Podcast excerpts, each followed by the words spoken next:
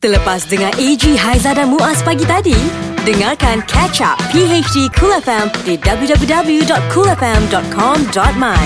Cool FM, temanmu, muzikmu. Assalamualaikum, selamat pagi. Terima kasih yang terus bersama dengan kami pagi hari di Cool FM. Assalamualaikum. Apa khabar semua? Ui, Ui, lain suaranya. belum cakap dah sampai. Tadi dah sampai. Hmm, Sehat semua? Asyik, Alhamdulillah. Tak jangan serius sangat.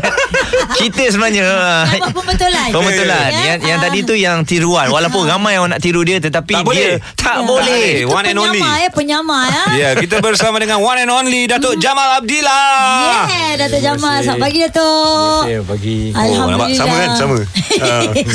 Dia macam mana pun takkan sama.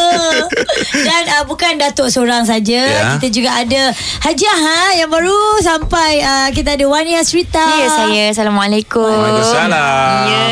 Oh, ini gabungan hebat ni uh, Datuk Jamal Abdillah dan juga uh, bintang paling popular hmm. ABBBH uh, yang lalu Ya. bergabung menerusi satu lagu baru Ha? yang ada rindu juga kat belakang dia. Itulah. Iaitu Belenggu Rindu. Ya saya Ah, lagu-lagu ciptaan siapa Wani? uh, Kalau Ciptaan Ezra Kong dan Hel Husaini Oh yeah. Ya Okey, dalam banyak-banyak gabungan ini antara gabungan yang paling luar biasa saya rasa Datuk sebab uh, Datuk Jamal Billah mengenali dia bukan senang uh, kita nak duet dan sebagainya. Ramai orang cuba tetapi ada yang tak berjaya dan sebagainya mengikut uh, kesusahan Datuk sendiri. Betul. Jadi dalam banyak-banyak Datuk, kenapa Wani Asrita tu? Yang diterima. Ha, ha. Oh.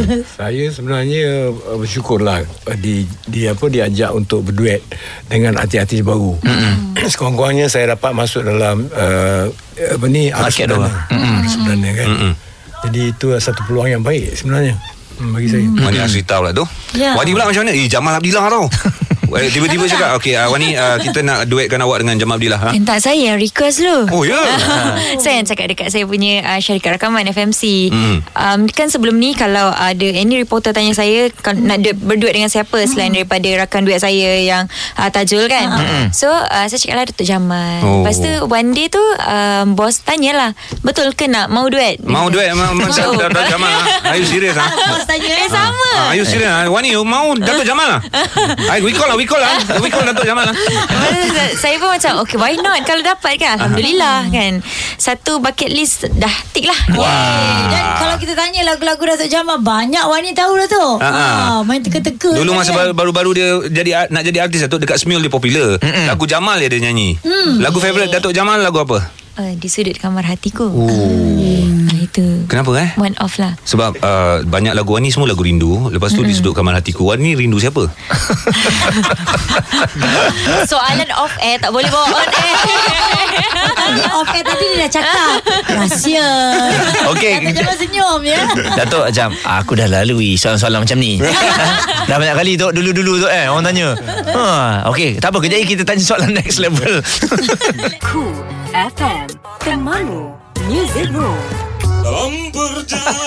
Eh berapa kali nak cakap Saya tak nak penyamar Ah, Saya nak orang yang sebenar Betul. Ah. Di PhD Cool FM memang tak dinafikan uh, bila nyanyi lagu Jamal Abdillah dekat karaoke atau di mana-mana dalam kereta ramai yang tengah berangan jadi Jamal Abdillah. Betul. Betul betul Kena bohong lah kata nak jadi diri sendiri. Yes Ya. Semua membayangkan Waktu zaman Zura Waktu tu Ya, ya. Naik motor dan sebagainya Oh, Rasa ya. kacak sungguh Tapi uh, tu Datuk Dalam bilik karaoke Bila keluar baru kami sedar Yang kami orang biasa Tapi Datuk sebenarnya uh, kami ni penyampai. Tapi bila dengar Datuk cuba Datuk cakap sikit. Hai selamat pagi assalamualaikum. Halo, selamat pagi. Oh, Assalamualaikum. ini boleh jadi DJ. Ni suara-suara bass tau Memang halo. Ah. Ah, hello. Okey, sekarang ni anda tengah menyaksikan kami di Facebook Live Ya. Studio Cool bersama dengan PHD Cool FM.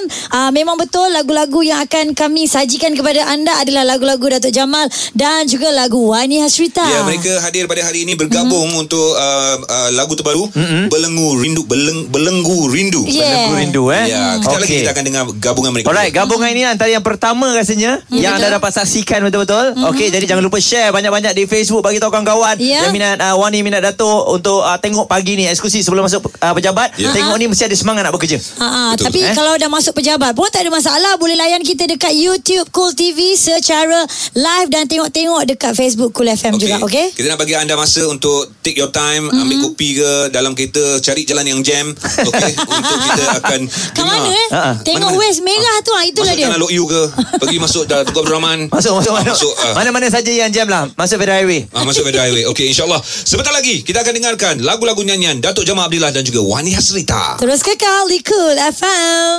Cool FM Temanmu Music Rules PhD Cool FM Eji Haiza dan juga Muaz ya rasanya Muaz terketa-keta ni Ji Hmm, sebab Datuk Jamal datang uh, dia nak praktis nyanyi pun terberhenti di situ Okey, saja uh, Datuk sebenarnya Muaz ni dia Ah. teringin sangat nak jadi penyanyi. Ha. Ya tu. Sekarang dia dah belajar kelas vokal. Uh, mungkin Datuk boleh komen sikit nyanyian Eh, uh, Muaz. Uh, tak Muaz. lah. Eh, Tak on payah lah. lah. Ini peluang kau, peluang Ha. kau. Tak apa. Tok. Tak apa. dia nak tunggu dia nak tunggu Datuk Jamal buka mulut bukan senang tau Tok, jadi uh, Dat- Datuk tengok kan bila-bila yalah sebagai seorang Tak penyanyi nyanyi, ya. yang yang dah lama dalam industri tu, bila kita tengok ramai generasi-generasi baru yang yang dah boleh menyanyi, yang dah ada single dan sebagainya. Bagaimana Datuk tengok secara keseluruhannya industri kita ni, Tok? Bagi saya Saingan tu memang Saingan yang hebat lah Mm-mm. Yang baik lah Ya. Jadi Dan- mm. Siapa yang ada bakat betul-betul Tunjukkan lah Tunjukkan lah Tapi Datuk, rasanya sejak tahun 1970-an sampai sekarang ni Datuk berada dalam industri ramai sebenarnya nak jadi Jamal Abdillah. Kan Tak jadi-jadi juga So apa komen Datuk uh, Bila dia orang nyanyi Tapi dia ikut gaya orang Bukan ikut gaya sendiri Saya dulu pun macam tu sebenarnya Oh. Saya dulu minat uh, Ismail Harun Saya minat Halil Cik Saya minat Tom, uh, Tom, Tom Jones, Jones. Lepas tu Muhammad Rafi Aha. A. Ramli P. Ramli Okey. kan? Tapi saya tak Tiru 100% dia punya ni Saya Semua saya minat Jadi kalau Saya ada influence Hindustan tu Maknanya Gabungkan saya minat sikit. Muhammad Rafi Ah. Kalau ada Inggeris sikit Ada blues sikit Saya uh, mungkin uh, Tom Jones Ah. Jadi Mungkin cara tu lah Yang saya Mencipta Identiti saya sendiri Maknanya tak salah Tapi jangan bulat-bulat lah. Jangan bulat-bulat Kalau bulat-bulat nanti tak ada identi- identiti sendiri Ya. Okey Mas Dengar Ha, eh? ingat, ingat, ingat, Ingat, ingat. dengar, dengar, dengar. So Wani pun dulu masa mula keluar pun orang kata dia macam Siti Nurdiana juga, betul tak Wani? Siti Nurdiana Siti Nurhaliza Kan Pada saya tu proses of learning lah. Ah. Lama kita uh, pun dapat belajar diri kita macam mana. Uh, so bagi peluang lah untuk belajar. Bagi Betul saya. Bagi peluang dan ruang Untuk budak-budak baru nak up ni kan Okey. Untuk mereka mencari identiti mereka Cool FM Ini PHD Cool FM Kita bersama dengan Datuk Jamal Abdillah Hmm. dan juga Wani Asrita yang telah pun sekarang ini viral di YouTube. Uh, Yep. Kalau kita tengok video klipnya memang ramai tontonan. Ya, ini gabungan hebat lah sebenarnya. Tapi kan Muaz, uh, di kesempatan ini Haizan ambil peluang juga nak bagi tahu Datuk Jamal yang uh, saya sangat meminati lagu Seniman Menangis dan satu lagi Derita Cinta. Saya selalu- kan Saya nyanyi Eh, saya tak nak punya hama Tolong. Melanda hati. Penyanyi sebenar ada di sini hey. Tak apa kita kasih Datuk nyanyi Tapi bukan sekarang Yes. Pukul 8.30 bersama dengan Wani Hasrita Aha. Anda boleh saksikan live di Facebook Cool FM Ya, betul. Cuma sekarang nak dengar Aku nyanyi boleh ah. Mahal lah suara Aduh, hai, letih lah dia ni. Okey, uh, dan uh, difahamkan juga Ya. uh, lagu ni memang cukup unik lah. Ya. Uh, adakah Wani dan Datuk berjumpa? Ya. Uh, Okey Tok, kita nyanyi macam ni, kita kita nyanyi Record macam ni, sekali? kita record macam ni. Ah, Dia ada berapa pilihan lagu ke Memang Ah. itulah satu lagu Yang kena nyanyi terus Belenggu rindu Um, ah, tak Memang uh, Kita dah plan untuk duet mm-hmm. dan alhamdulillah dapat uh, naskah daripada Ezra Kong mm-hmm. kita dah macam oh okay, okay. Alright. so we go for it dan uh, tak ada tak ada jumpa tak ada apa pun just uh, berbincang dalam WhatsApp mm-hmm. buat dalam group WhatsApp dan record pun asing-asing kan Datuk kan Ha-ha. Oh asyik-asyik Maksudnya Okey. bukan sekali datang untuk Yes, saya. satu Datuk record dulu baru saya. Oh. Lepas tu bila pertama kali awak jumpa Datuk Jamal ha. Pertama kali waktu saya dekat MSU. Okey. Saya belajar. Saya belajar Bila dah jadi artis ni Ha-ha. Bila dah jadi artis Bila dah, dah, adalah- dah record asing-asing Lepas tu uh, lagu dah siap apa semua Okey dah jumpa Sebenarnya ada few times juga uh-huh. Masa jadi artis Sebab uh, ada show sama uh-huh. Macam tu je lah. lah Bila lepas record Waktu kita buat music video Oh. eh, Music video ke uh, Show Show, Ha-ha. show uh, Hari Raya dulu. Oh. Yes saya. Tapi Datuk Jamal sendiri Genre muzik yang Datuk selesa Memang kita tahu King of Pop Jamal Abdillah. Yup. Kan memang kita tahu. Tapi uh, Kalau selain daripada pop Lagu apa yang Datuk selesa? Ya- ya- Yang Etnik paling kreatif saya, ha. saya sekali ballad lah. Ballad, kan? ballad lah. Saya suka ballad. Lepas tu uh, Lenggok saya boleh pergi tra- tra- Traditional. Hmm, Ha. betul, betul. Datuk pernah ada ke Satu album traditional saja tu? Ada dulu Arwah Pak Ngah buat Dia terbitkan uh, album tradisional saya lah Samrah Mentari Ya. Banyak lah Bila mentari Dengan tersenyum Kalau kita dengar? Apa Gazal dengar? Gazal untuk Rabia Ya. juga Gazal Asmara oh. Okey. Mungkin Jadi kejap lagi dekat Facebook Datuk akan uh, menari macam lagu Gazal untuk Rabia. Cool FM Temanmu, Temanmu. Musicmu. Bersama dengan kami kembali pagi hari di Cool FM. Dato' Jamal Abdillah dan juga Wani Hasrita ada di Kita sini. sebenarnya dah tak sabar untuk nak dengar lagu Hmm. nyanyian live eh. Memang live pagi-pagi Datuk Jamal dan juga Wani Asita masing-masing Ya. akan menyanyikan lagu sendiri dan juga lagu ter- duet terbaru mereka. Hmm. Betul. So kejap lagi dekat Facebook Cool FM anda boleh saksikan bersama-sama okey? Ya, Boleh, jangan eh? lepaskan peluang eh. Bukan senang ya. Okey, uh, Wani kebetulan ke uh, tajuk lagu ni pun ada rindu juga? Um, Uh, Wani boleh tukar Wani rindu bukan Wani Asrita. Wani rindu. tak, ada. kebetulan sebenarnya saya memang nak lari daripada rindu tu. Ha. Ingatkan dah lepas terlalu memuja dah habislah rindu Ah, kan. tapi dah tapi rindu kan, nak macam mana? tak, tapi dah memang uh, daripada komposer Move sendiri. lah. So kita menghormati komposer ya. Okeylah berlagu rindu. Okey okey. Okey Wani, not? ini uh, soalan yang uh, ramai jejaka-jejaka luar nak tahu. Jaka luar ke? Jaka di Bukan luar. jak- Jejaka di dalam. Jaka di dalam studio pun nak tahu. Okey okey Ah, uh, sebab Muaz minta tolong tanya tadi.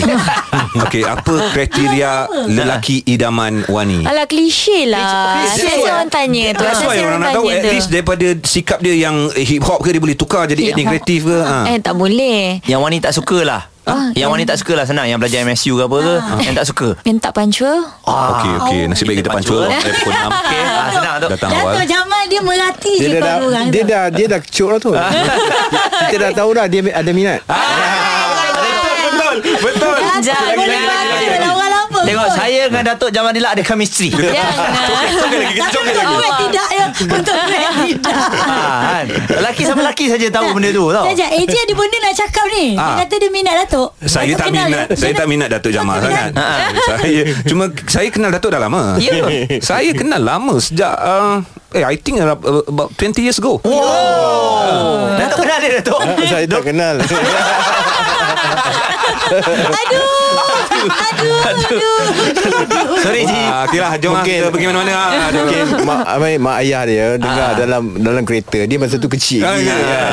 so hari-hari pasang lagu Jamal Abdillah so dia dah ter, Tu, tu, ter, tu yang terkenal lah Betul. Ya, tu yang saya kenal Datuk Yang memang Datuk memang tak kenal saya lah Tapi ramai juga sebenarnya ada anak-anak orang yang diberi nama sebagai Jamal, Yes. Jamal Abdillah sebab mengidolakan Datuk Jamal ni. Ya, Kan Datuk kan? Kadang-kadang terasa macam Eh kenapa dia orang letak jam, Nama uh, Ubaidillah kan? Ah, betul. Nama yang sebenar dia kan Ah, betul. Ramai yang buat macam tu Ah, ah. Nama unik kot. Kan? Unik, ya. Ha. Panjang tu Nama tu Apa-apa pun untuk anda semua Kami dah tak sabar Sebab kejap lagi kita akan beralih terus di uh, Facebook kami Yeah. Anda boleh saksikan secara live Diorang akan nyanyi untuk anda Ya, Studio Cool uh, anda boleh tengok uh, di Facebook Cool FM. Okey, beritahu kawan-kawan semua Bagi tahu semua Kita share, share, share, share Sekarang, okay? sekarang juga Sekarang juga Cool FM AG, Haiza dan Muaz. Ini PHD Cool FM. Yes. Berat rasa Berat, berat, berat. Hatiku Eh, melangkah jap, pergi Mas.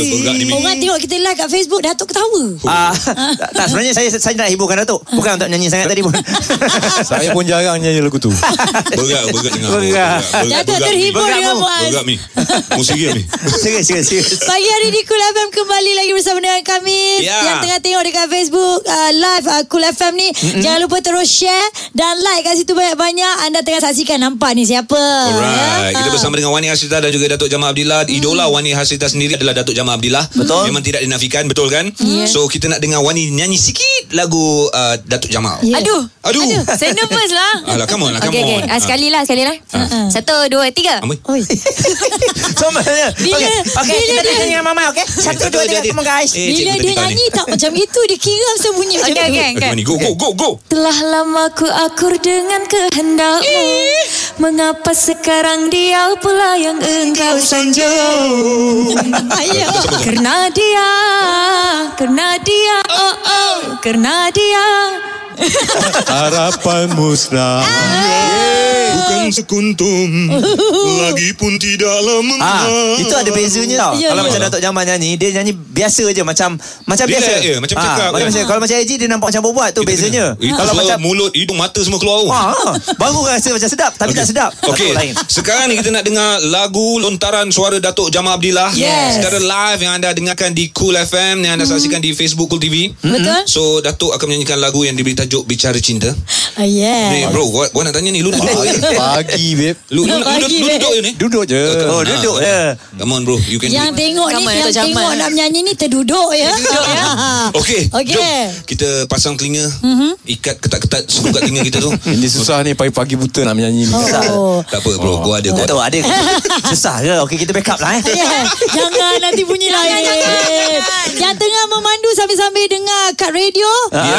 ah, Ini dia. Untuk anda Cool, Cool FM Cool FM Temanmu Music Room Wow. Sebuah lagu nyanyian Datuk Jamal Abdillah Yang diambil daripada album Layang-Layang Tahun 1983 Yes. Lagu HD yang Cool FM. rare Jarang kita dengar tu Tapi kita rasa dekat dengan lagu tu. Kenapa eh? Sebab ha, Datuk nyanyi ya. Sebab Datuk nyanyi, Saya tu. Ada seorang kenalan uh, orang Filipina. ha. Oh, Uh, okay. kan kan orang Ha. Filipina. Dia cakap pertama kali datang kat Malaysia ni kemudian dia dengar lagu nyanyi Datuk uh, Jamal dia tak faham pun uh, apa yang Datuk nyanyikan. Ya. tapi dia dapat rasa feel tu sampai dekat hati dia sebagai seorang pendengar walaupun dia tak faham bahasa kita. Apa rasa tu uh, sebab kita dah tanya penyanyi-penyanyi lama penghayatan. So untuk Datuk Jamal sendiri nak menghayati lagu tu macam mana? Uh, kita uh, sing, apa si- uh, kita relatekan dengan kita punya sejarah silam. Okey. Maksudnya kalau kita gagal bercinta kita relatekan. Oh. Itu yang dia masuk betul-betul Dengan lirik tu tau. Itu yang penghayatan-penghayatan Tok saya belajar kelas kan ni Tok Nak menjadi penyanyi ni Macam tu lah penghayatan-penghayatan Ha-ha. Tak dapat saya penghayatan tu Tok. Cuba relate, relate dengan pernah apa sesuatu yang pernah terjadi dalam hidup kita. Ah. Macam ke, kepekasinya ibu, kita pernah menderaka pada ibu kita ke, pernah lawan ibu ibu bapa kita. Jadi kita relatekan dengan benda tu, jadi dia masuk dalam. Tok boleh boleh tak nyanyi kasihnya ibu sikit sikit sikit? Kasihnya ibu membawa ke syurga dan kasih saudara masa berada. Cukup tu. Tok nak, nak peluk tu Wow Kalau nyanyi sampai habis Aduh. Confirm saya menangis ya Okey Ah, Wani. Mana Ah. Wani Wani Wani ni Wani nangis kat tepi saya ya. Wani nangis kat tepi tau. Ah, ah, Datang Tak. eh datang Saya Ah, menikmati masa-masa yang ada ni Betul. ya Allah. Hai. Bukan senang. Bukan senang, bukan Kan? Senang. Semua Dan- speechless. Pasal Sebab apa? Kalau kita tengok Wani dan juga Datuk Jamal Dua-dua mempunyai Apa Aura yang uh, kuat Yeah. Dalam industri. Macam uh, Datuk Jamal kita tahu Lagu-lagu Tradisional Memang makanan dia juga. Wani pun kita tengok Mengikut jejak langkah yang sama. Juga ada lagu-lagu tradisional uh, Juga suka lagu-lagu tradisional Datuk Jamal nyanyi kan? So Dia punya selepas patah lagu tu, patah lagu tu. Ha, Kan dia- Datuk Jamal mahal tu eh Elok dia Ah. nyanyi Elok dia nyanyi Bagus bagus bagus Okey. Jadi ramai yang dengarkan uh, kami secara live di Facebook ni terima kasih banyak-banyak. Ya. Uh, ada, Ada kata komen tak? suara Datuk semua padu tu. Oh. Ayat sekarang ni Tok semua padu je banyak. Dia dah tak ada dulu sedap, lunak Tak ada, tak ada. padu terus. Padu tu. Kan?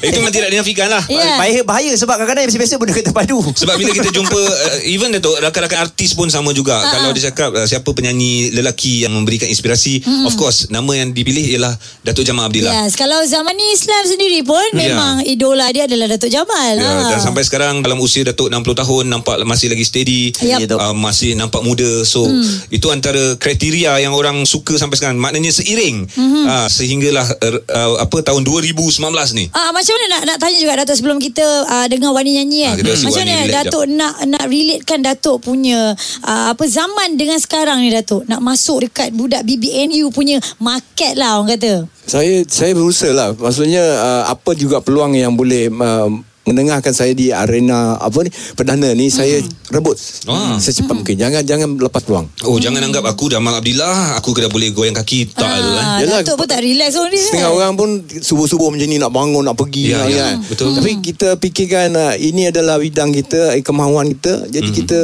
kita kena komit lah. Kerja, kerja Saya- kita, kerja kita tu eh. Memang ada contoh lah kalau budak-budak BMU tu.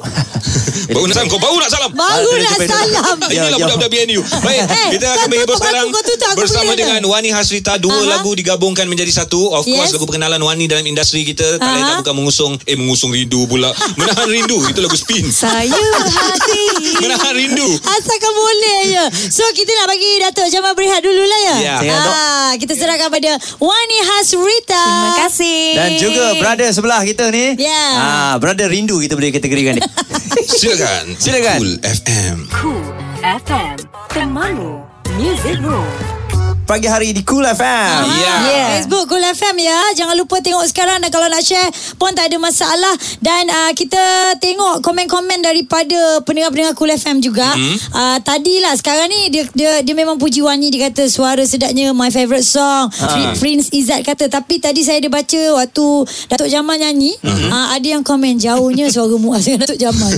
memang jauh. Memang jauh tu. Jauh macam Jauh. Johor pergi Tak, London. tak. Umpama suara Muaz umpama langit dengan dalam tanah. Bumi pun lepas. Tak apalah tu At least ada orang Nampak perbezaan kita tu Nampak tu. nampak. Saya dah okey dah Kalau Tak sama tak baik tak best pula. Dah ah. boleh terima lah eh. Dah boleh Okey terima. lah tak kisah. Okey, uh, Datuk Jamal mungkin uh, ada kata-kata mungkin kata nasihat kata nasihat lah sebab dah ada berada dalam industri ni dah sekian lama membawa gelaran Raja Pop Malaysia bukan saja dalam negara malah luar negara semua kenal Jamal Abdillah. Betul. Uh, Wani Hasita contohlah paling dekat Wani Hasita pe- pemenang anugerah bintang paling popular. Ha. Jadi populariti dan juga artis itu sendiri kena seiring Datuk eh. kena sharing. Mm-hmm. Kalau kita uh, promosi untuk diri sendiri untuk berada dalam industri ni mm-hmm. sentiasa mesti yeah. nampak kemas, nampak nampak orang suka. Penampilan, ya, Ke, betul. uh, penampilan. Kita mm-hmm. tak boleh sambil lewa je. Mm-hmm. Uh, setiap waktu, setiap saat kita kena ada dalam hati kita kita kena mempromosikan diri kita. Ya. Untuk berada di tempat tu. Itulah dia. Wani mungkin ada soalan cara kepada pun. uh, apa idola? Oh, um, Yang tak tertanya tu kan. Yang tak tertanya Macam mana Datuk maintain dari dulu sampai sekarang Apakah rahsianya Makanannya Vokalnya, Maintain- vokalnya. Vokalnya maintain fizikal, dalam industri macam tu. Ah, Merangkumi semua Merangkumi semua. Rasanya kita sederhana je lah. Mm-hmm. Ha? Sederhana dalam apa jugalah. Mm-hmm. Makan ke apa, apa juga sederhana. Jadi tak berlebih. Ha ah, sebenarnya. Okey. Jadi uh, untuk anda semua apa kata kami nak bawakan uh, mungkin ada di antara anda yang dah tengok di YouTube dah dengar dah lagu ni. Sekarang kami nak bawakan secara live untuk anda. Yes, sebelum kita berpisah, kita Ha-ha. nak ucapkan terima kasih kepada yang sedang menonton kita sekarang ini. Terus kekal dengan Cool FM dan terimalah untuk anda. Ya, kita melabuhkan tirai pertemuan bersama dengan Datuk Jamal dan juga Wani Asta dengan lagu terbaru gabungan mereka berdua. Silakan. FM. Cool FM Temanmu Music Moves Yang panas Lagi hangat Ouch Lidah pedas Lidah pedas Bersama Sister Cool. Untunglah siapa yang tengah bercuti beristirahat kat rumah tu. Ha, nampak tak? Sisterku gigil lagi kat office ni. Okey, kerja nak hiburkan korang. Temankan korang yang kat rumah tu. Yang mungkin sama nasib macam sister kena kerja. Bersabarlah. Bukan senang nak cari rezeki. Ya all nak kerja kan? Ha, nak senang kan? Dan hari ni sisterku nak bagi cerita mengenai seorang selebriti ni. Yang kalau kita perasan dekat Instagram suka tegur-tegur orang. Suka ambil kesempatan kalau ada isu-isu viral ke. Ada isu-isu public figure buat hal ke. Ada isu-isu macam sensitif ke. Ataupun ada isu-isu yang rasa dia boleh bercakap pasal isu tersebut. Ah, nampak tak ayat sister? Macam panjang betul kan pusing sana pusing sini. Bukan apa sebab baru-baru ni kecoh juga dekat laman sosial. Katanya kawan dia buat hal. So bila kawan dia buat hal kena hentam terus lah you all dekat IG, kat social media. Bila orang dah tahu siapa yang buat hal tu lah budak ni ke. Hmm, sedih. Sesuai lah dengan muka pun. Dan tiba-tiba bila sister scroll scroll scroll. Amboi kemain dia backup kawan dia. Yelah kawan sendiri kan. Takkan nak bagi orang kecam. Takkan tiba-tiba dia pun nak kecam kawan dia sendiri. Cuma yang tak puas hatinya adalah bila orang lain buat salah, bila orang lain macam buat sesuatu yang macam kurang senang, engkau kemain bash kuat-kuat eh, engkau kemain bahasa orang tu macam kau sempurna sangat. Bila sampai dekat kawan kau, OMG, kawan kau baik sebenarnya tak terniat lah apalah. Ada penyakit lah dan dan je bila dah buat hal dah famous memalukan, ada penyakit benci lah sister. Okey lah daripada sister melayan kau ni, better sister dah dengar Abang Muaz menyanyi lagi sedap. Bye!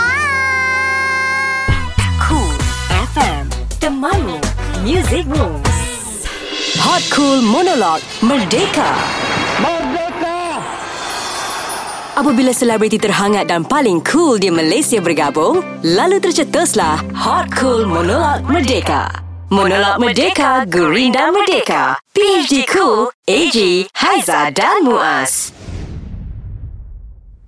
Aci! Aci! Buka pintu. Nana balik pukul 1. Pesta Ria malam minggu. Nana bilang, let lu. Nana, Nana. Lekas pulang. Aci takut kau dilari orang. Zaman sekarang banyak jembalang. Jangan maruah diconteng arang. Aci, Aci, jangan takut. Nana nak enjoy je kot. Duduk rumah, otak serabut. Tak payahlah nak ribut-ribut. Ha, bila Nana bilang begitu, sungguh Pedih rasa hatiku Mengenang nasib anak bangsaku. Hancur! Binasa! Satu persatu. Suri ram ram suri ram. Suri ram yang manis. Aduhai suri ram sayang. Apa disiram pohon yang tumbang Tinggilah tinggi KLCC. Hai, mengapa bala yang engkau cari? Puas sudah ibu menasihati. Umpama mencurah air di keladi.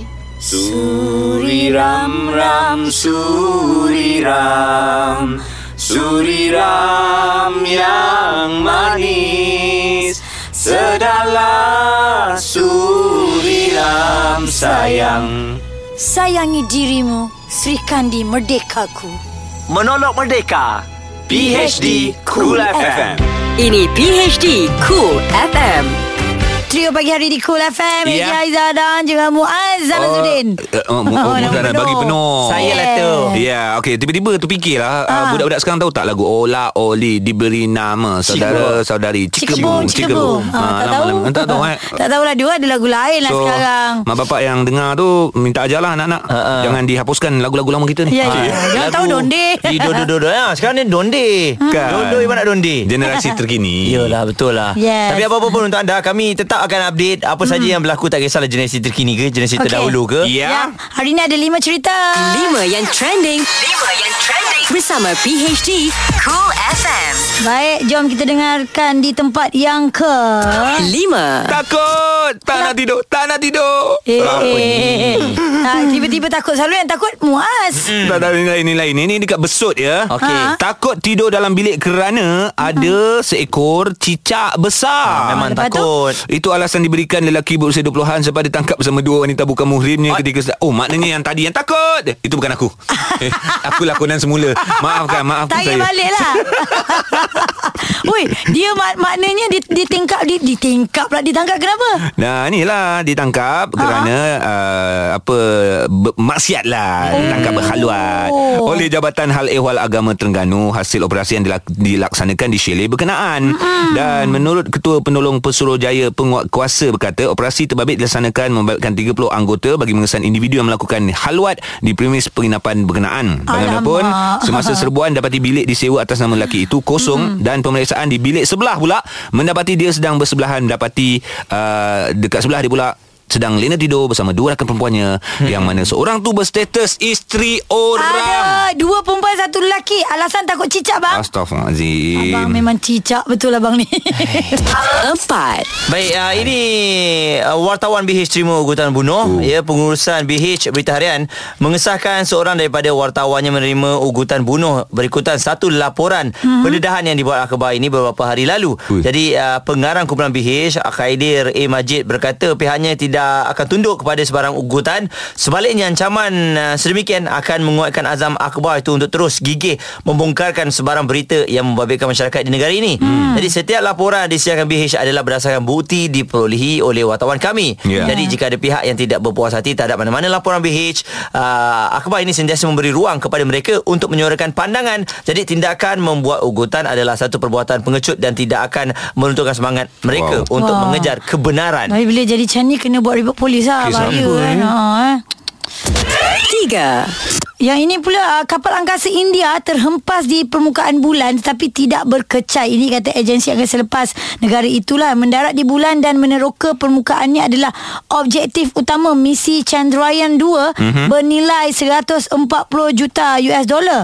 Tetapi komunikasi dengan pesawat yang diberi nama Vikram itu terputus ketika berada di ketinggian 2.1 km dari permukaan bulan tempat ia dijadual mendarat dan misi yang gagal itu mm-hmm. mencetuskan kekecita, kekecewaan di seluruh negara ketika India mahu melakar sejarah menjadi negara pertama mendarat mendarat di kutub selatan bulan yang belum pernah oh. diteroka ya. Dia pergi bulan. Ya dan Tapi pesawat nak pergi kat Kutub Selatan. Betul Pesawat itu berada di permukaan bulan Tetapi tidak berkecai Kedudukannya agak sengit hmm. Dua. Sains kan hmm. Ay, Ini cerita Ataupun berita Perkabaran yang baik juga Okey. Ya. uh, Arab Saudi Katanya mengeluarkan perintah diraja Yang menstruktur semula visa lawatan Haji dan umrah Ke negara pentadbiran diraja itu Termasuk pembatalan yuran Mengerjakan umrah berulang hmm. Menteri Haji dan Umrah Arab Saudi Dr. Muhammad Saleh Bentin Mengucapkan terima kasih Kepada Raja Salman Dan Putera Mahkota Muhammad Salman Kerana mengeluarkan keputusan berkenaan Dan ini adalah sebahagian usaha kepimpinan Untuk memudahkan ketibaan umat Islam Dari seluruh dunia hmm. Untuk mengerjakan haji dan umrah Alright, ni nak memudahkan lagi lah ya. Kita baik ni ya Ya Satu. Baik, uh, seterusnya untuk anda ya, Ini kisah mengenai jerebu di Sarawak hmm. uh, Semua sekolah di Kuching dan juga Seri Aman Diarahkan tutup uh, pada hari ini Berikutan jerebu teruk hmm. Dengan bacaan indeks pencemaran udara Melebihi 200 Jadi perkara ini Uish. disahkan oleh Pengarah Pendidikan Negeri uh, Melalui satu kenyataan pada semalam Arahan telah dikeluarkan kepada semua sekolah Berhubung prosedur operasi standard Bencana jerebu Iaitu penutupan sekolah Jika bacaan IPU berada dalam kategori amat tidak sihat. Ya. Dan setakat 9 malam tadi, Pejabat Pendidikan Daerah Seri Aman telah mengeluarkan arahan tutup yang melibatkan 5 sekolah menengah hmm. dan 36 sekolah rendah. Ya.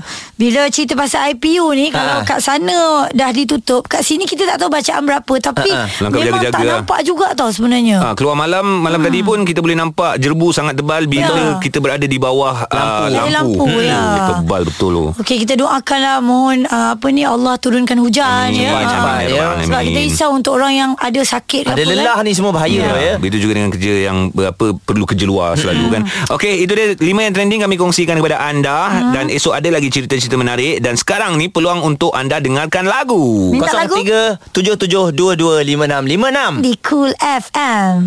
Ini PHD Cool FM.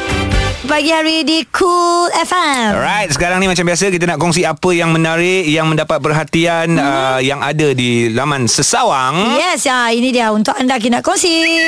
Tweet tweet Okey. di PHD Cool FM. Sila ambil perhatian untuk anda yang tak tidur malam. Hmm. Ya, yang buat kerja ke apa-apa ke ataupun memang saja tak nak tidur malam dan sebagainya. Okey. Ini antara keburukan tak tidur malam dikongsikan oleh Flew Pillow ya, uh, Instagramnya. Dia uh, bukan Instagram Twitternya. Ha. Jadi dia kata keburukan tak tidur malam ni yang pertama penuaan. Okey. Yang kedua otak lembab. Oh. Yang ketiga kemurungan. Keempat hilang fokus. Yang kelima mendatangkan penyakit. Betul. Lepas tu yang keenam kronik insom insomnia. Ha. Hmm. Dan juga Oh, yang tak ketujuh menjejaskan fizikal dan mental. Hmm. Memang betul Okey. pun kalau ikut Tak- kajian pasal Tapi aku tidur tak setuju ni. sangat kot. Kenapa? Sebab kalau tak tidur malam, dia boleh tidur siang. Tak apa. Maksudnya Ini tak dia- tidur langsung Tak ni. tidur langsung Dia- dia ah. Cover balik. Ah, betul juga. At least katakanlah dia tidur malam 5 jam. Ha, ha. Ah, ah, sorry, sorry. Malam tu sepatutnya kita tidur 5 jam. Hmm. Tapi disebabkan dia kerja, tak tidur. Besoknya siang dia tidur 5 jam. Okey kot. Okey, sa- kalau yang kerja kita boleh apa letak tepi lah Ha-ha. kecuali kan. Tapi kalau yang bukan bekerja malam yang memang kerja siang macam biasa. Ah, kena sebab paksa tidur, tidur. siang dengan tidur malam Lain, berbeza. lain. Jadi ya? sebab tu ah, malam ni kena dapat rehat yang secukupnya. Hmm. Memang betul pun. Kalau cuba kita tak tidur malam, kita tak fokus tu. Ah. Kita kadang-kadang nak cakap apa pun kita tak tahu nak cakap tau. Ya, Lagi macam kita ni, Paling ha. tak memang kena rehat secukupnya lah Kena Ya. cover Kena cover juga Tak tidur malam Mungkin ada sebab yang tertentu Anda kena tidur sebelah siang Ha-ha. At least ada waktu tidur Waktu rehat untuk anda Betul-betul Rehatkan minda Dan Ya. juga badan anda ya Betul yang untuk bekerja shift malam tu eh kita, orang kata kita faham pengorbanan anda. Betul. Ya. InsyaAllah lah kalau tak tidur tak cukup tidur pun kita doakan anda terus sihat ya. InsyaAllah. Ah, Nanti kami akan kongsikan dekat IG kami Cool FM MY okey? Cool FM. Ini PHD Cool FM bersama AG, Haiza dan Muaz.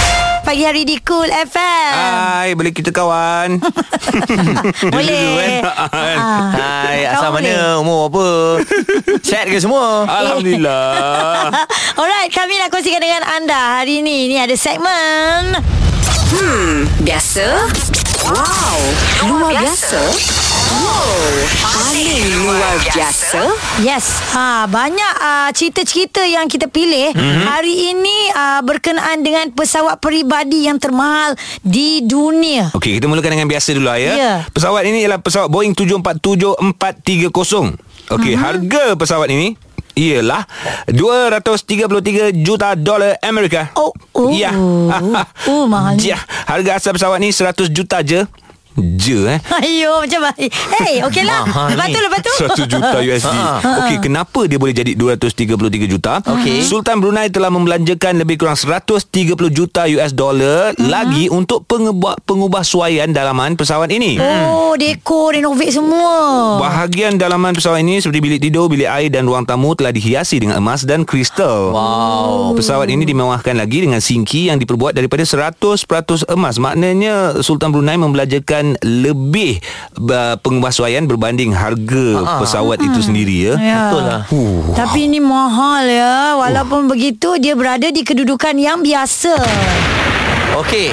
Seterusnya kita beralih kepada uh, Airbus A340-300. Hmm. Ya, uh, harganya 450 juta USD je. Ayo, lagi mahal. Ah, jadi pesawat peribadi ini adalah uh, yang terbesar di Rusia. Oh. Dimiliki oleh seorang usahawan terkenal dan terkaya di Rusia, Alisher Uzmanov. Ya, pesawat ini diberi nama Borkhan, sempena nama bapa beliau. Okey. Ah, jadi Alisher ni juga menggunakan nama ibunya Dilbar. Harga asal pesawat tu 350 juta. Alright. Sebelum pengemasan dalaman, teknologi serta sistem keselamatan menjadikan harganya 450 juta. Apa dia buat dalam sampai 450 juta 100 100 juta jugalah dia, bu- dia punya ubah suai kapal terbang je. Tadi Sultan Brunei 130 juta pengubah suaian, dia ni 100 juta. Yes, untuk yang seterusnya ni Okey. bagi kategori paling luar biasa di up lagi 50 juta. Ha-ha. Ya, Airbus 380 ini yang besar jumbo ni, Prince Al Walid bin Talal yang punya. Harganya 500 juta US dollar ya. Putera. Raja Arab Saudi Al Walid bin Talal membeli pesawat ini pada harga 300 juta USD dan melakukan pengubahsuaian dalaman yang menjadikan harga pesawat itu bernilai 500 juta US 200 dollar. juta? 200 juta. Yes, pesawat yang mendapat julukan nama Kingdom in the Sky atau Flying Palace ini dikabarkan dihiasi dengan saduran emas mm-hmm. pada beberapa bahagian dalaman pesawat dan juga singgahsana daripada emas padu. Hmm. Mak. Terdapat halaman untuk konsert ha? Ada ada stage lah ni. Ha. Tempat mandian ala Turki Wah. dan garaj untuk kereta jenama Rolls Royce. Wah. besar. Banyak dahsyat wow. Dan selain itu pesawat ini juga disediakan dengan bilik solat uh-huh. yang dilengkapi dengan sejadah elektronik yang mampu memutar secara automatik Oh. menghadap ke arah kiblat Kiblat. di Oh, Mekah. cool. Wow. Okey, aku dah Google. Uh, Flying Palace ni memang gempak ah. Dahsyat je eh. Wow. Dap, eh, tak, Ah, ah. tak macam kapal Macam tak- terbang. Macam susah nak cakap Habis tu Yelah 500 juta. Ya. Banyak tu. Tidur eh. Oh, oh. Ni kira jumbo eh 380 memang besar ya Dua tingkat Tak ya. apa, tak apa. Kita naik yang biasa-biasa punya Airbus pun kita rasa bersyukur lah. Ah, yelah, yelah, Rasa yelah. seronok sangat Ah, kan. Duduk belakang pun tak apa. Ha ah. Kadang-kadang belum dapat naik lagi Tengok eh. pun dah bersyukur dah. Alhamdulillah. Ya Allah. Ha, itulah kami kongsikan dengan anda nak dengar balik uh, Ha. tentang pesawat yang termahal di dunia ini. Jangan lupa catch up PHD Cool FM di coolfm.com.my. AG, Haiza dan Muaz. Ini PHD Cool FM. Sekarang ni untuk anda yang mendengarkan kami kita ada Remy Ishak dan juga kita ada Hisham. Hamid, yes. Hamid di sini mempromosikan filem Dendam Pontianak ya. Dendam Pontianak hmm. okay, Kalau minggu lepas kita bersama dengan Fazura Ya. Jadi minggu ini kita bersama dengan hero-heronya um, Dan kalau kita tengok ini gabungan uh, hero-hero Melaya juga Betul, betul. Dalam satu filem eh, Sebenarnya susah tak? Yelah bila dalam status hero Tapi dalam satu filem ada dua hero Avengers boleh? Itu cerita Avengers Avengers ada berapa? 8 hero 8 Betul juga kan ha, Jadi soalan tu nak diteruskan ke tak sekarang ni kita nak tanya uh, lebih kepada perasaan iri hati lah. Ah, sakit hati tak? Kenapa kau banyak scene? Aku tak banyak pun. Nervous pula aku segmen ni.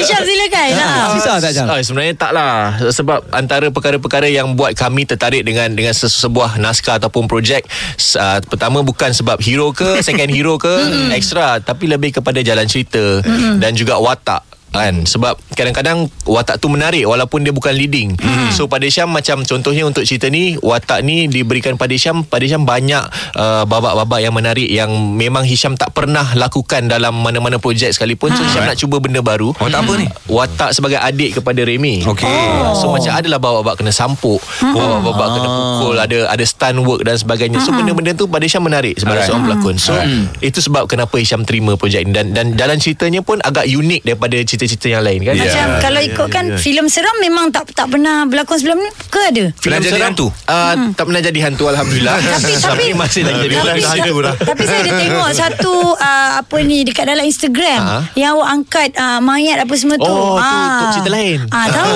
tapi maksudnya ah maksudnya Ah, itu adalah pengalaman jugalah eh. Ah, Pengalaman uh, buat cerita seram tu pernah lah. Ah, tapi cerita seram ni berbeza daripada cerita-cerita yang lain. So itu antara sebab kenapa Ishan terima projek ni. Dan Alright. Remy Isak sendiri memegang watak utama Ya. yang dipertanggungjawabkan membuatkan Pontianak itu berdendam.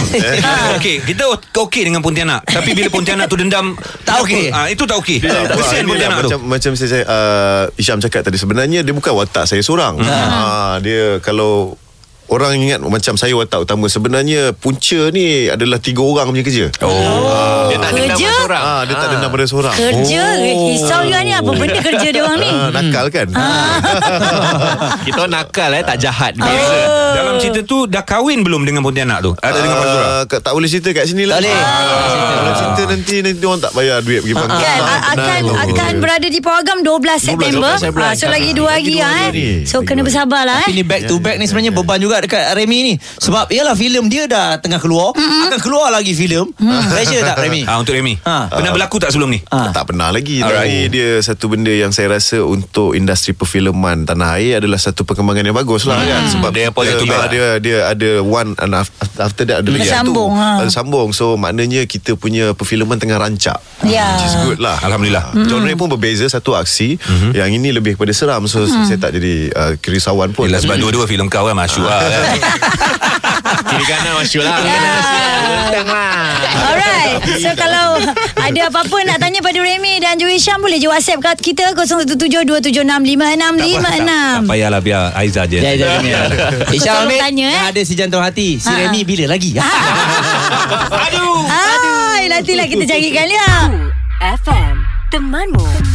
Musicmu Kita ada Remy Izzat dan juga Isyam Hamid Mempromosikan filem Dendam Pontianak Ya, pelakon-pelakon hebat dalam satu filem yang hebat uh, akan menemui anda uh, dekat dah dekat dah ni dua 12. hari lagi. Dua hari Ah. lagi Dua hari lagi Dua hari lagi. Ah, sorry, boleh tak uh, saya, secara Apa? kebetulan ataupun apa uh, saya, Seri? saya dapat rasakan. Sorry. Oh, Bukan, sorry, sorry. Maksudnya sebab ada pelakon Singapura dan juga Malaysia di Ya. dalam filem ini. Ya. Ah, adakah joint venture dalam filem ni? Ke kebetulan? Uh, tak sebenarnya ni memang uh, kerjasama antara dua negara uh, sedangkan uh, uh, director pun sama seorang daripada Singapura seorang daripada Ah, Malaysia siap. memang Ah, akan okey. duduk bersama-sama sebelah-sebelah Okey, director siapa director? director Glenn Gui dan juga Gavin Yap Uh, Chinese. Chinese Dua-dua Chinese. Dua-dua Ya. Chinese. Maknanya macam mana penerapan C- Cina ni dalam filem hantu Melayu. Ya, Macam itulah mana? kelainan Dia dia. buat research ni Maknanya pasal kita boleh tipu dia Dia tak tahu Tapi tapi di Singapura dah ditayangkan betul? Ya, Singapura dah Ah, ditayangkan. Macam mana feedback? Feedback? Alhamdulillah uh, Minggu pet, apa Hujung minggu pertama Hmm. Dah hampir 300 ribu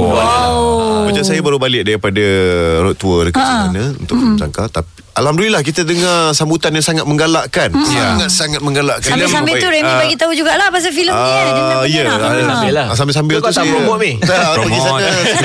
Kita dengar sebab kita pergi ke sinema kan. So mostly manager dekat sinema tu pun cakap memang sambutan Tak, sangat- dengan sangat cerita antara rekod baru di Singapura Ya, Ada betul. rekod Baru, filem ya, Melayu filem tertinggi Melayu. Yes. Okey, tapi berbalik pada uh, director Cina Ya. yang direct cerita Pontianak Melayu ni sebagai Dia- pelakon nampak ah macam mana macam mana nampak dia bawa cerita tu?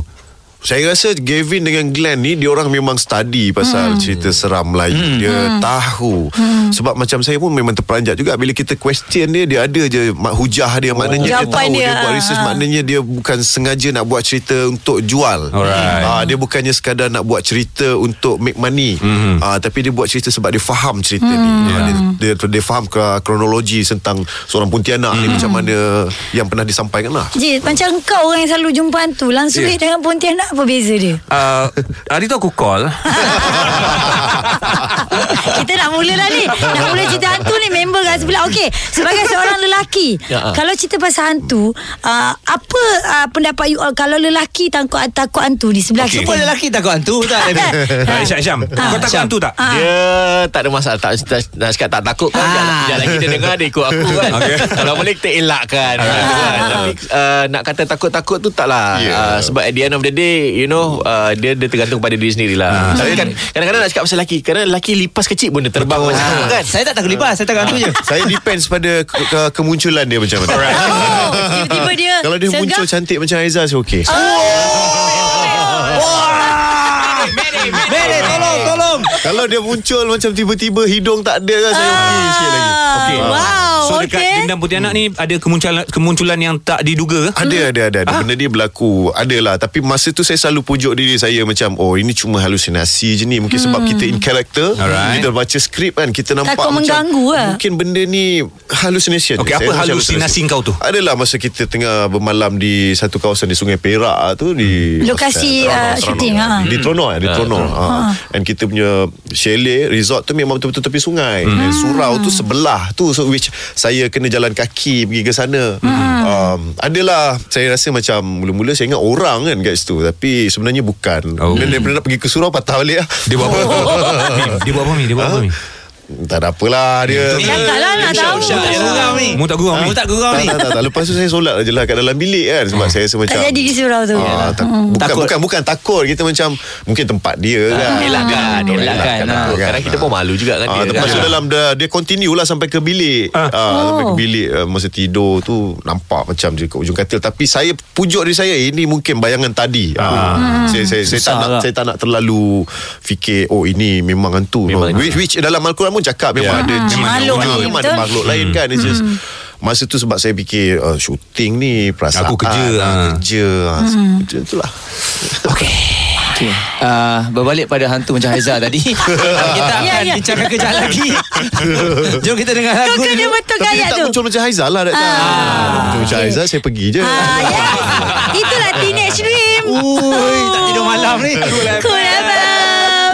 AG, Haiza dan Muaz. Ini PHD Cool FM. Guys, uh, hari ni saya belajar banyak tips untuk nak jadi pelakon Eh, pasal nyanyi pun tak habis lagi okey. Fokus, fokus, jap jap. fokus. Ah, Ji, sementara ah, apa ni mereka berdua dekat sini, kita nak bagi dia orang dengar sikit eh. Ah, macam mana dia orang dengar? Dia orang pakai headphone ke apa? Boleh. Okey okey dengar tau, dengar tau. Ni. Dengar tau. Ni lagi seram daripada Dendam Pontianak.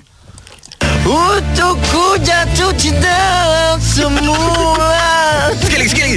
Namun yang pasti Yang penuh Betul Ah, Okey dah Ah, Okey. Siapa tu? Pontianak datang ah, Nampak orang pun tak kenal Muaz tu Muaz. Orang pun tak tahu siapa tu Jangan bagi tahu Muaz memang penyanyi kan Jadi Saya on the way nak jadi Memang penyanyi, kan. penyanyi. Tapi kalau suara macam tu Kecewa eh. Mana tahu kecewa jadi Dia tu penghayatan, penghayatan. Patutlah ada tanya-tanya pasal berlakon dia nak Ah, nak tukar. Jangan nanti tau menyanyi pun macam tu. bagulah dia sedar kelemahan dia kat mana belum Syam dia belum sedar lagi. Sekarang dia masih mengikuti kelas vokal lah, kalau untuk Muaz kasih Saya jadi. Jadi runut bunyi Cita-cita hantu boleh lah tu Okey, Tadi seram. Kita bersama dengan dua hero uh, Malaya kita Ya. berlakon dalam cerita uh, Dendam Pontianak. Mungkin Nisham ataupun Remy boleh bagi tips sebenarnya sebab berlakon ni bukanlah mudah. Memang kita nampak pun susah. Ya. Kan masing-masing dengan membawakan karakter masing-masing. Kejap jadi budak bodoh, kejap jadi budak pandai, Kejap gila. jadi orang gila, jadi Ah, AG polis, je jadi imam. rasa macam tu AG nampak Tapi orang luar tak nampak Sebenarnya dia tahu benda tu dah siap aja kan Ah, Dia tahu Proses benda tu dah dia tak siap tahu. Dia tak tahu proses Macam AG uh, Muaz uh, Aizah mungkin dah pernah Nampak tahu. kan? Dalam Ah. industri tahu. Tapi orang luar ni dia tak tahu. Dia tahu dah siap. And then dia Dia dia, dia suka benda tu. Dia Tapi tak puas hati, dia ah, kutuk. ah, Dia tak, tak puas hati dia kutuk. Tapi dia judge. ah, Kepayahan tu Hanya Pelakon-pelakon je lah yang tahu sebenarnya. Ah, Faham Ah, ah. Yes. Sebab kita kena kena menjadi orang lain eh. Dan kadang-kadang bila kita tengok pelakon tu dah berlakon macam Remy Isak ni. Filem back to back kan. Sekejap jadi tukang gusti sekejap jadi suami orang kan. So memang dua karakter yang berbeza. Dia kena jadi dua orang yang berbeza. Okey, macam Remy dia dah dia belum kahwin. Macam awak. Ah. Macam Hisham dah dah berumah tangga. Dah babak cinta Oh, kan. babak cinta macam mana tu? Ya. So macam kalau kita sebab tu kadang-kadang kita dengar Ada gaduh. pasal kes Kasut gaduh. Gaduh Alhamdulillah dah dah 13 tahun uh, kami masih lagi okey. Sebab dia faham. Dia faham benda tu. Um, sebab tu penting juga pasangan kita kan untuk memberi kepercayaan dan kita sebagai seorang suami pun kenalah pegang tanggungjawab tu kan Janganlah ambil kesempatan cinta tu, lokasi eh. tu biar dia dia berlakon masa action saja Yes. yeah. bila cut tu kita kena okey ni bu, ni Cut lah rasa. depan mata ha masa tengok cantik tengok depan Kak Aizah depan mata ya Allah Aduh, korang ni kenapa ah? dia Tadi kita memang cantik. Memang cair kat sebelah. Memang cair kan dia. Cair Tapi cair tu biar kat sini je Ah. Keluar dari pintu ni Dah tak boleh Dah tak ada. Ah, Tak cantik lah. Cantik memang cantik Tapi kalau boleh kita Ada Kita pandang Korang lain kena datang pukul 6 pagi. Eh dah lah lah. Kita kerja memang start pukul 6 pun dah okey. Pukul 6 pagi dia tak macam ni. Dia blow rambut dekat sini. Make up semua kat pun? sini. Dah jangan cakap semua. Kita nak ucapkan sekali lagi tahniah kepada mereka berdua dan juga pelakon-pelakon Ah, filem Denda Pontianak. Jangan lupa pendengar-pendengar Cool FM uh, 12 September 12, 2019 ya. Anda kena datang tengok lah. Kena, hmm. kena, kena, kena. Rugi kalau tak pergi tengok cerita ni. Ya. Satu, satu dimensi yang lain untuk Berbeza dalam sikit. uh, Yes. filem uh, Pontianak yang pernah diceritakan Ya. kepada orang-orang Melayu. So benda ni sangat lain. Cantik. Okey, set lah Muaz. Set. Okey, Ngam. Jom kita pergi tengok. Hisham, terima kasih Remy uh, datang Thank pada you hari ini. Thank you Cool FM Thank you AJ Thank you Aizat Thank you Muaz Sama-sama. Muaz betul ke nak menyanyi Rasa tak payah kot Ayo. Kau kena sound depan muka tu. Tapi gua kena sama dengan Remy Syab Gua okey Okey. Lagi lagi lagi lagi Alright, Cool FM. PHD Cool FM bersama AG, Haiza dan Muaz. Setiap Isnin hingga Jumaat bermula 6 pagi. Layari coolfm.com.my dan dengarkan ulangan di Catch Up PHD Cool FM. Cool FM, temanmu, muzikmu.